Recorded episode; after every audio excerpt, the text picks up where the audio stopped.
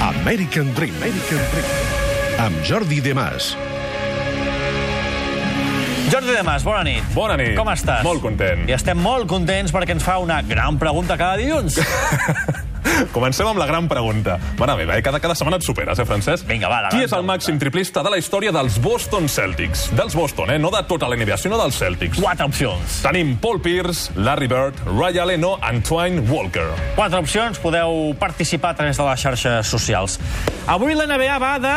Dels Oscars, De eh? cinema. Ens posem elegants, ens Perquè posem mira que elegants. ho havia guanyat tot. Kobe Bryant, Mira, doncs una- ara sí que ja ho ha guanyat Una tot. llegenda que s'ha retirat del bàsquet, cinc cops campió de l'NBA, MVP de les, dos cops MVP de les finals, un MVP de la temporada regular, però és que la seva ambició supera tot això. Ara un Òscar, ara un Òscar, Francesc, un No Òscar. és actor, Bueno, però ha dit que se sent millor que guanyar un campionat de l'NBA. no, Però... no l'ha guanyat no, no, d'actor, no. però sí que l'ha guanyat En el- participant. Participant en el millor curt d'animació, que es titula, es titula perdó, Dear Basketball, no? Estimat bàsquet. Explica, és un curtmetratge dirigit per Glyn eh, Keane, que explica la seva història, el seu amor per al bàsquet, no tot el que ha donat, el seu sacrifici... És la carta de comiat, eh? És de la fet. carta de comiat, que, bueno, a mi em posa la pell de gallina, eh? A mi m'em- m'emociona. L'he vist molts cops i m'emociona. És agafar la carta de comiat que va fer Kobe Bryant. I tot dibuixadet, molt ben fet. dibuixos, i això ha guanyat tot un animat. Òscar. Ha guanyat un Òscar, ha guanyat un Òscar, eh? En vam parlar amb l'Albert Aguilera el divendres i les tres pel·lícules que vam parlar, jo, Tònia, aquesta de Kobe Bryant, Kobe Bryant. i la d'Icarus, del reportatge del dopatge rus, totes tres guardonades. Però és curiós, eh? Leonardo DiCaprio presentant-se a nominacions, nominacions, només en té un. I ara Kobe, a la primera,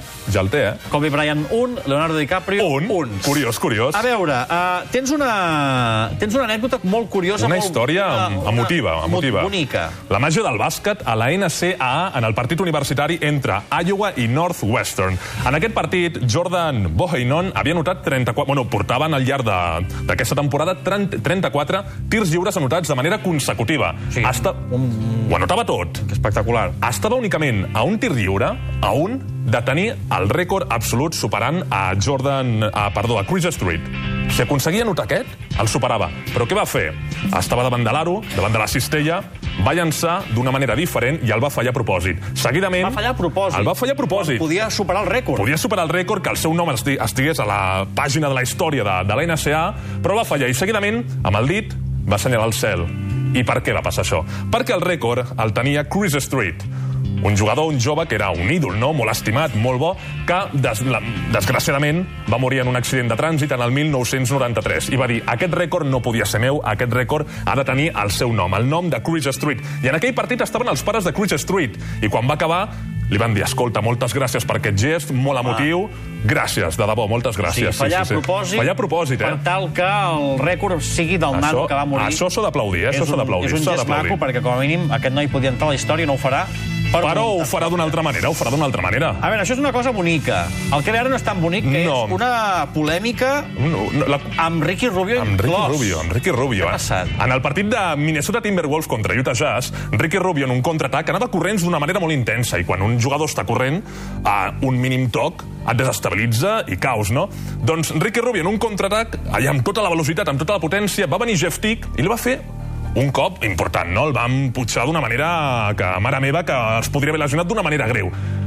Després, Ricky Rubio es va aixecar d'una manera ràpida... Home, l'empenta és lletja. És lletja, és lletja. Es podria haver fet molt mal, eh? I com saps, els, els aficionats de la primera fila, amb els peus, poden trepitjar, poden caure malament, el turmell se'n pot anar a Norris, i, bueno, al final eh, Enrique Rubio se'n va anar, no va voler saber res d'això, i els jugadors entre ells es van encarar, no?